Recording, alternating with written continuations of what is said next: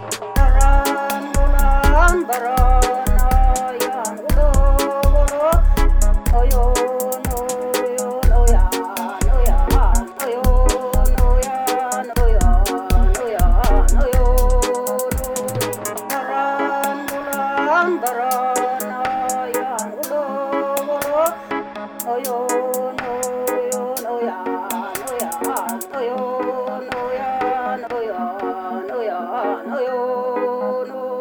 Welcome for this podcast in the Circumpolar Music Tradition series.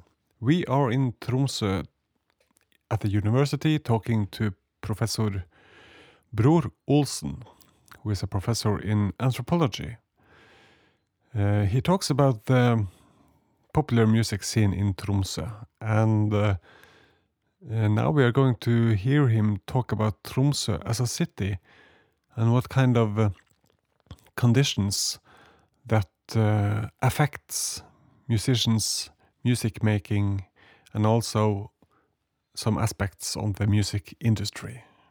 They talk a lot about this university thing also. That was a condition also that has been important for the electronic music wave because uh, mm.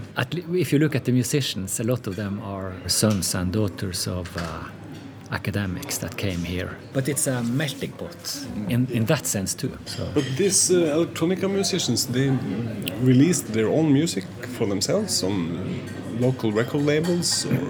Yeah, and uh, a guy called Vidar Hansen is uh, Beatservice. Beat Service yeah, Records. Records. Yeah.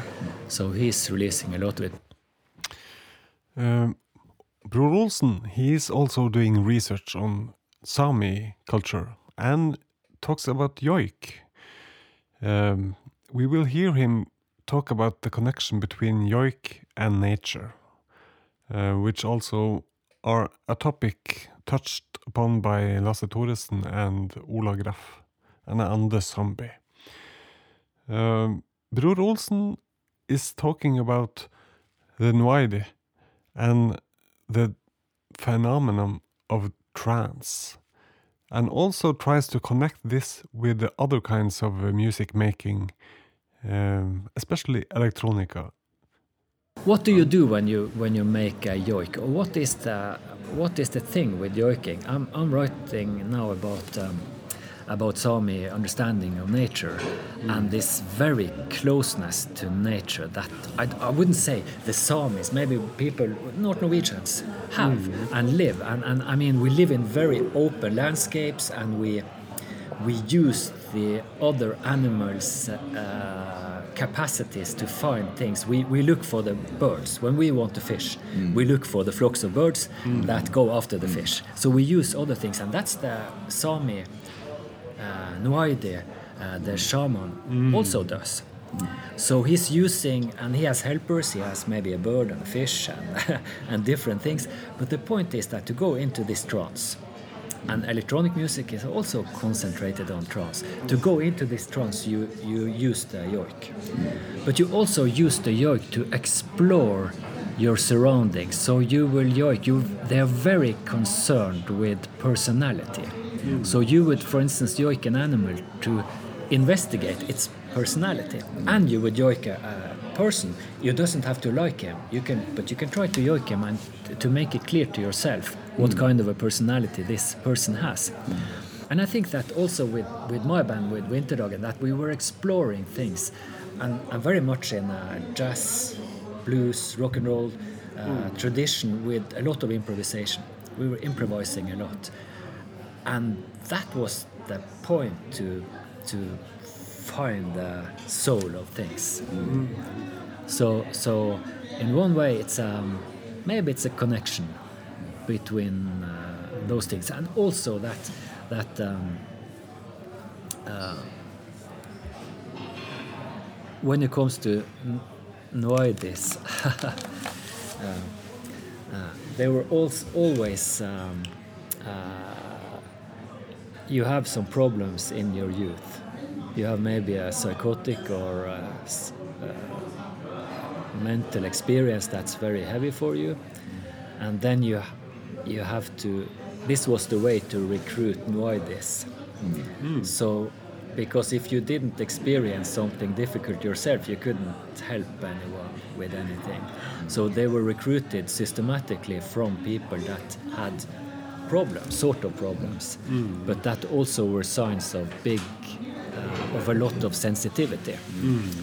Um, and maybe, and when you think about all these young musicians that, I mean, many of the people I played with, some of the best people, I mean, one of my, the musicians I played with, he was a, a heroin user when he was 12.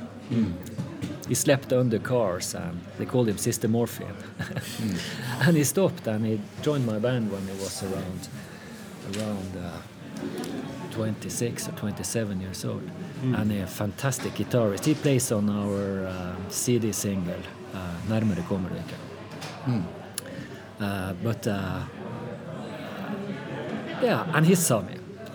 Uh, You can see a parallel between Moebe and I think, artists. yeah, I think because of, uh, in in the uh, punk, I mean, a lot of these people had problems, and some of them continue to have problems, and maybe not. That's not very rare in uh, among musicians, but it's some of the same thing. You know, you explore things, and you do it through music, and you and you live it very sort of intensely, and that uh, that. Intensity is a sort of maybe very important thing for making good art. I mean, that you have to go into it. So that's maybe a parallel. Uh, so in a way, it's a bit of the the wild, uh, what they, the uncivilized north. the, it fits uh, rock and roll and blues and improvisation and music, I think, and and also this the the yoik thing about exploring. I think that is really important, and I think it goes into a lot of music here. I was I, I was watching Per Erik which was uh, he played in he had a band called Balls. And the way he he was also doing this uh, la la la themes, but they're not la la la. There's something else. They're just there's just a part uh, in a song that you don't want to sing any words. You don't want to sing any words there. And in one way, it's a parallel to the Sigur Rós thing because uh, I think that they have sort of meaning. He has sort of meaning in his head when he's singing some of these songs.